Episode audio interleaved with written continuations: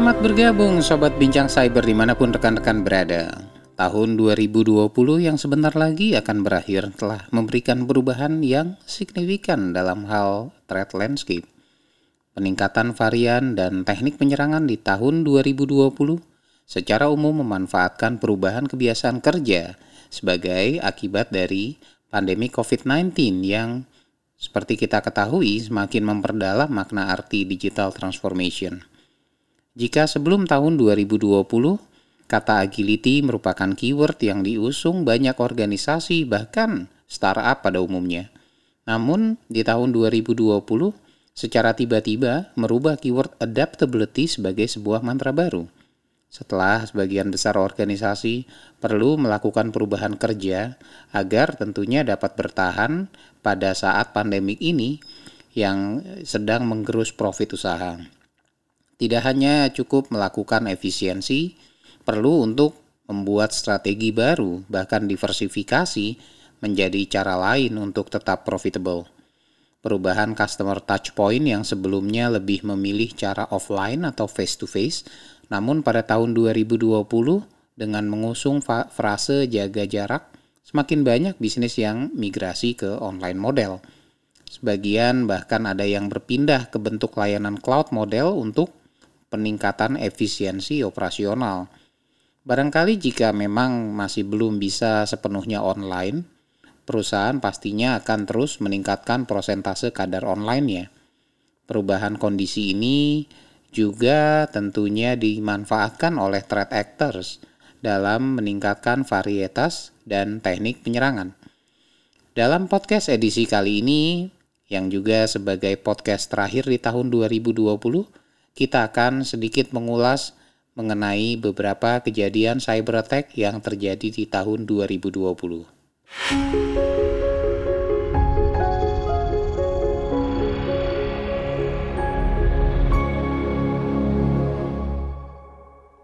Dalam beberapa kasus cyber attack, COVID-19 dijadikan sebagai tema serangan. Dari mulai serangan phishing dengan menggunakan subjek email COVID-19 hingga serangan kepada organisasi yang memberikan fokus pelayanan medis pandemik ini. Diperkirakan ada sekitar 25.000 email dan password yang berhasil diretas yang menimpa ketiga organisasi kesehatan WHO, the National Institute of Health atau NIH, dan the Center of Disease Control and Prevention atau CDC pada April 2020.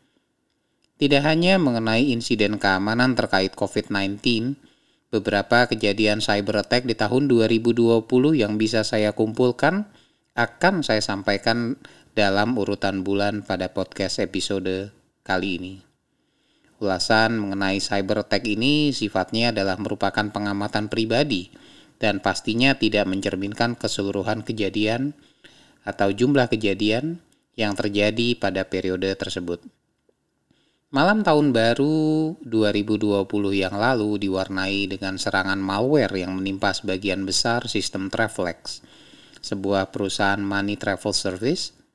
Meski tidak ditemukan adanya kebocoran data, namun serangan malware ini memaksa Travelex untuk men-shutdown sistemnya agar dapat mencegah penyebaran atau lateral movement yang lebih luas.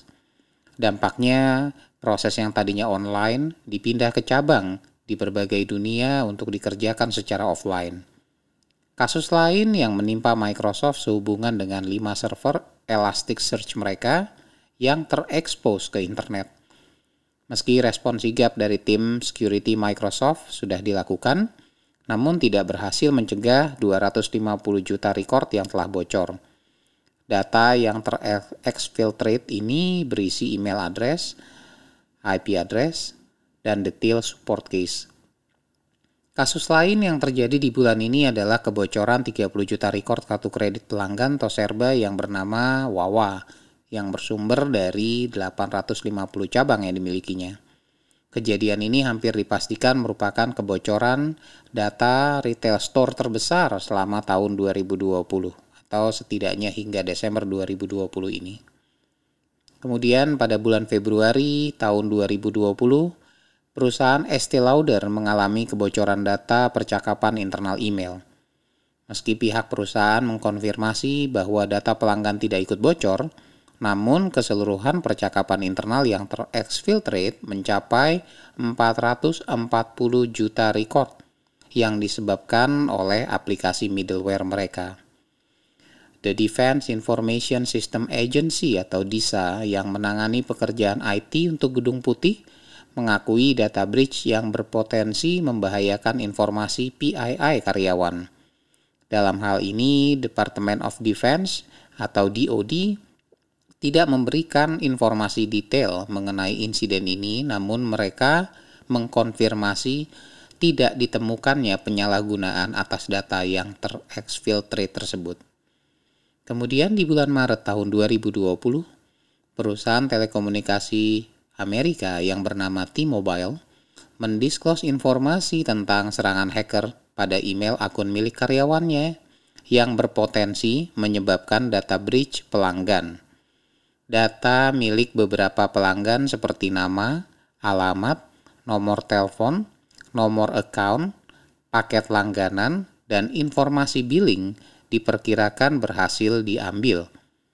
Kasus lain pada bulan ini yang menimpa Marriott ini merupakan insiden kedua kalinya setelah sebelumnya diberitakan terjadi pada bulan November 2019 yang menimpa jaringan Starwood. Insiden kali ini jumlah record yang terkena breach adalah berjumlah 5,2 juta record nasabah.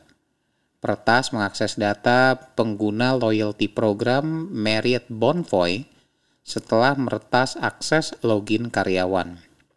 Record ini berisi data nasabah, berupa personal detail nasabah, loyalty account information, partnership information, dan preference nasabah ketika menginap. Pihak Marriott mengungkapkan serangan ini telah terjadi sejak pertengahan Januari dan bahwa data mengenai password, nomor PIN, informasi payment card, nomor paspor, nomor SIM, dan nomor identitas penduduk tidak ikut terdampak pada serangan ini.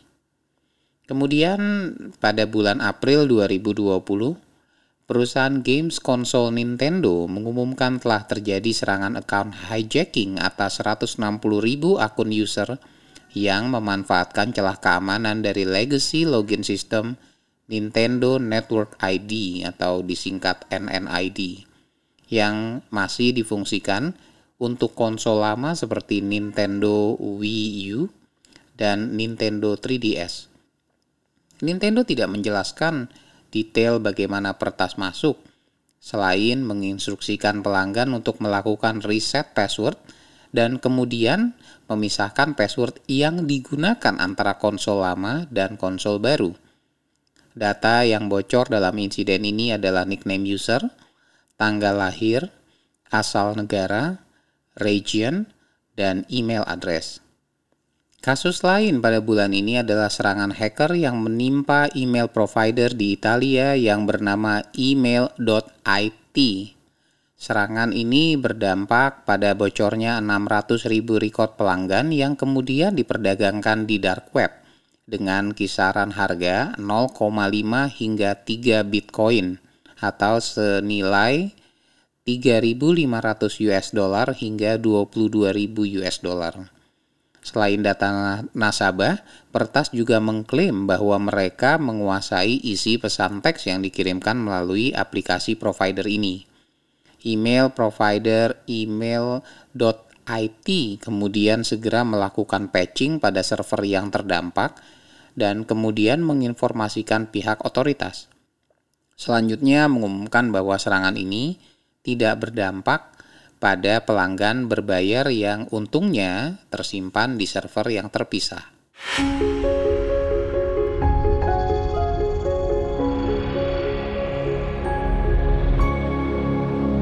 Pada bulan Mei, maskapai penerbangan EasyJet terdampak data breach yang menyebabkan bocornya 9 juta rekor nasabah. Informasi yang bocor terdiri dari informasi pribadi, dan beberapa informasi terkait finansial. Serangan ini sebenarnya mulai terjadi pada Januari 2020, namun baru diinfokan 4 bulan kemudian. Tidak ada informasi lebih lanjut mengenai detail serangan selain dari statement bahwa insiden tergolong uh, sophisticated attack.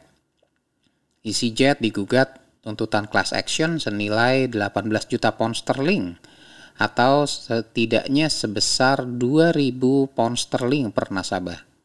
Kasus lain pada bulan ini adalah yang menimpa Blackbaud, perusahaan software dan cloud hosting Insiden yang terjadi pada bulan Mei 2020 ini bisa segera ditangani, namun peretas berhasil mengambil beberapa data dan juga file yang disimpan eh, nasabah Blackbaud.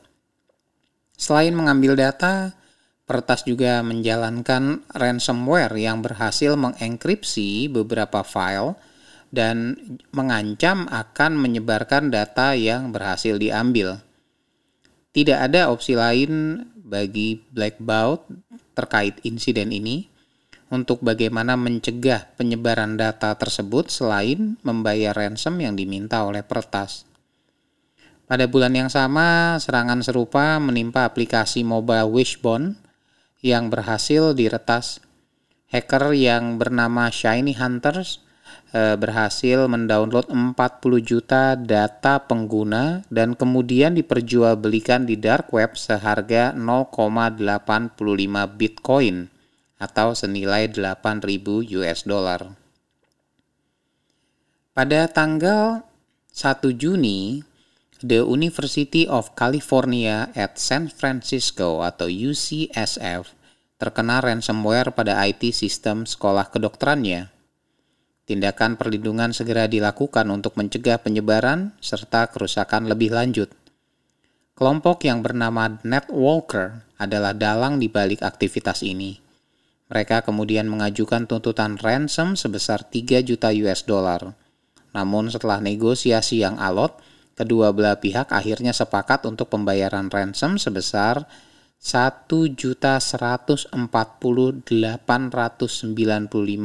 US dollar yang tentunya dalam mata uang Bitcoin. Pihak universitas merasa tidak ada pilihan lain dikarenakan data yang terkena ransom adalah bagian dari penelitian akademis yang diperuntukkan bagi layanan publik.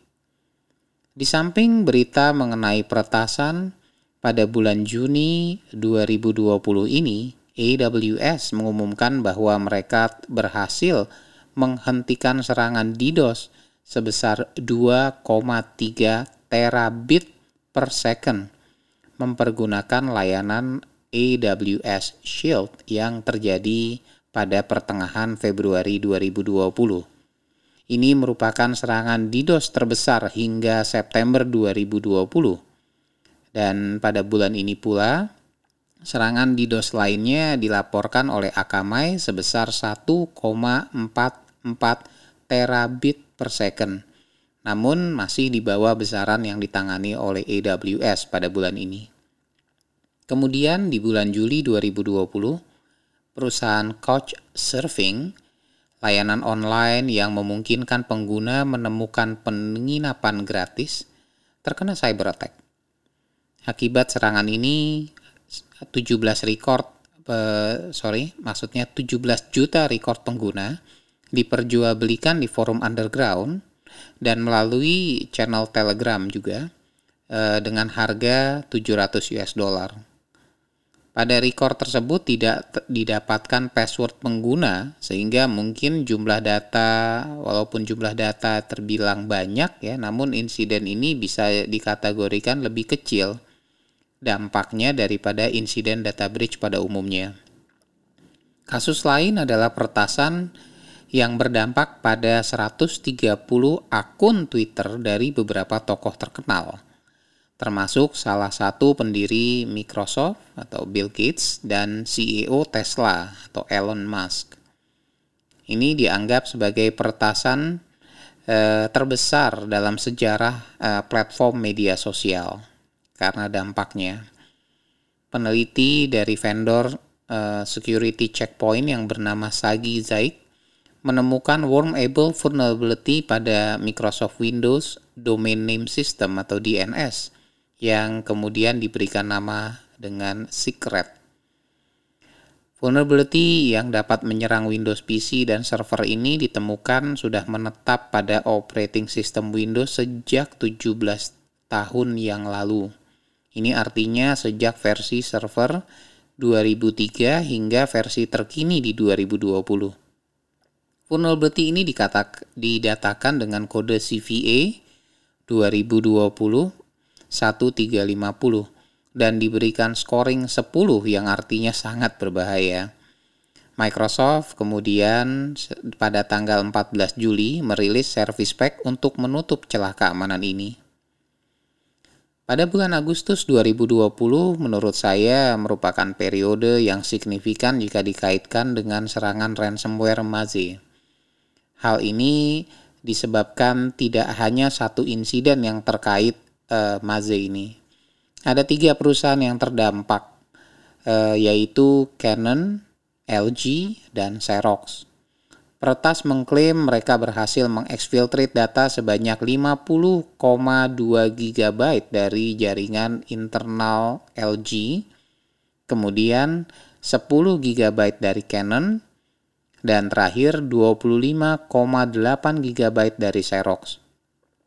Situs image.canon yang dipergunakan untuk mengupload dan menyimpan foto down karena insiden ini. Meski hal ini disanggah e, bagian dari upaya kelompok Mazi. Thread Group Mazi e, mengklaim bahwa kelompok mereka sudah berhasil meretas dan mendownload hampir 10 terabyte data dengan mempergunakan ransomware besutan mereka. Selain Mazi Group, Anonymous hacker juga menyerang situs FreePic dan Flat Icon dengan memanfaatkan celah SQL injection vulnerability. Peretas berhasil menguasai sejumlah 8,3 juta record user yang terdaftar di kedua situs ini. Record yang berhasil diretas sebenarnya hanya 3,77 juta yang berisi username dan hash password. Sebab sisanya adalah federated login yang mempergunakan Google, Facebook, atau Twitter sehingga tidak tersimpan password pada database. Baik FreePic dan Flat Icon kemudian mengirimkan email notifikasi kepada pengguna yang terdampak agar mereka melakukan reset password.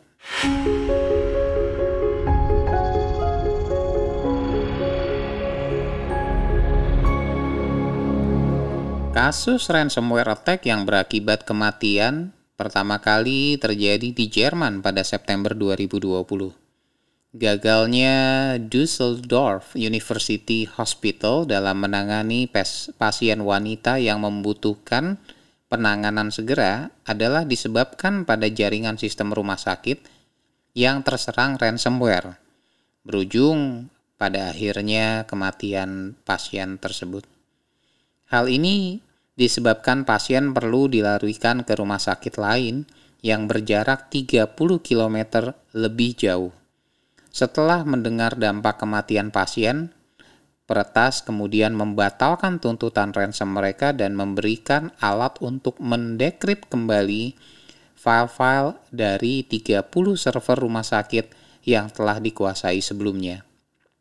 Investigasi lebih lanjut dilakukan oleh kepolisian Jerman mengingat bahwa ini adalah kasus pembunuhan. Dalam eh, dan berkaitan dengan hal ini, eh, pemerintah Jerman kemudian mengumumkan untuk menutup celah keamanan CVE 2019 19871 yang biasanya dijadikan celah masuk ransomware. Masih di bulan September, Departemen Keamanan Amerika mengumumkan tiga warga negara Iran yang telah didakwa atas tuduhan meretas perusahaan ruang angkasa dan satelit Amerika Serikat. Setelah sebelumnya pada bulan September, Departemen Kehakiman Amerika Serikat juga mengumumkan bahwa kelompok peretas berbahasa Cina yang diindikasi tergabung dalam kelompok APT-41 serta dua hacker berasal dari Rusia mencuri 16,8 juta US dollar dalam mata uang cryptocurrency dengan memanfaatkan situs phishing.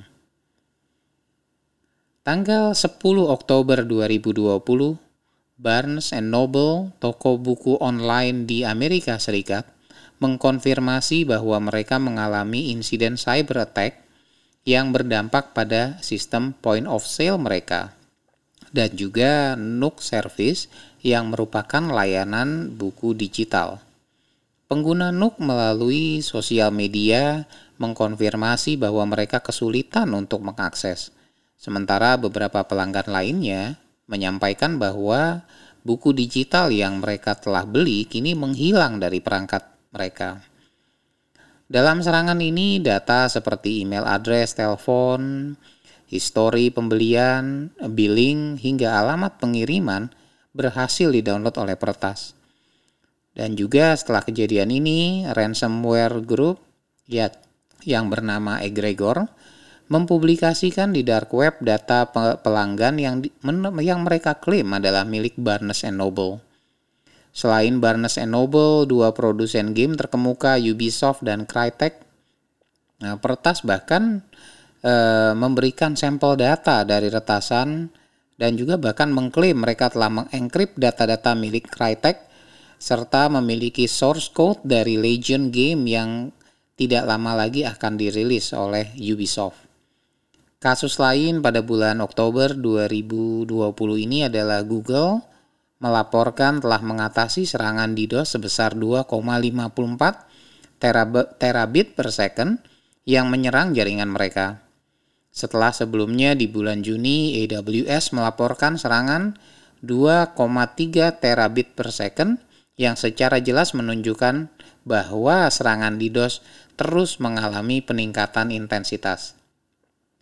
Di bulan November 2020, perusahaan produsen game asal Osaka, Jepang yang bernama Capcom pada tanggal 4 November lebih tepatnya mengumumkan bahwa salah satu member grup mereka mengalami kejadian cyber attack dengan target email dan file server.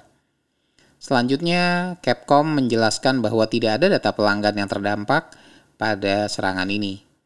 Cyber attack ini disebabkan oleh Ragnar Locker ransomware Kasus lain pada bulan ini adalah serangan pada grup aerospace dan defense dari Brazil yang bernama Embraer telah menjadi sasaran atas cyber attack.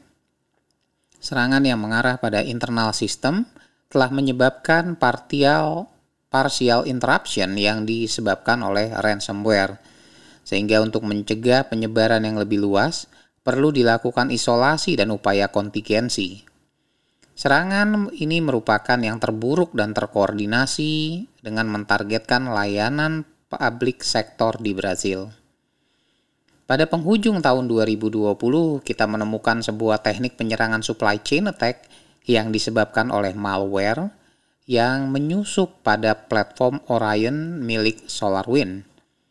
Malware yang diberi nama Sunburst ini membuat backdoor yang dijadikan sebagai attack vector.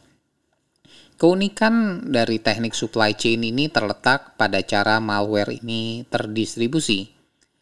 Pada umumnya, malware menyebar setelah peretas memanfaatkan vulnerability yang ada sebelumnya, atau setidaknya yang mereka temukan pada saat mereka melakukan penyerangan. Sementara dalam kasus SolarWinds ini, justru malware ini menyusup dengan memanfaatkan mekanisme update system Inilah mengapa disebut sebagai supply chain attack. Setelah malware tersebar, setidaknya dalam kasus SolarWinds ini terdapat 18.000 target yang teridentifikasi telah terinfeksi termasuk di dalamnya institusi pemerintahan dan blue chip company. Dampak kerusakan yang dihasilkan pun tidak sedikit. Ditambah hampir dipastikan malware ini sudah masuk ke dalam platform Orion milik SolarWinds sejak Maret 2020 yang lalu. Kini seluruh pelanggan dan pengguna platform SolarWind perlu melakukan preventatif terhadap potensi kerusakan sejak saat ini hingga mungkin potensi ke depannya masih ditemukan e, rentetan jika masih ditemukan rentetan lain atas supply chain attack ini.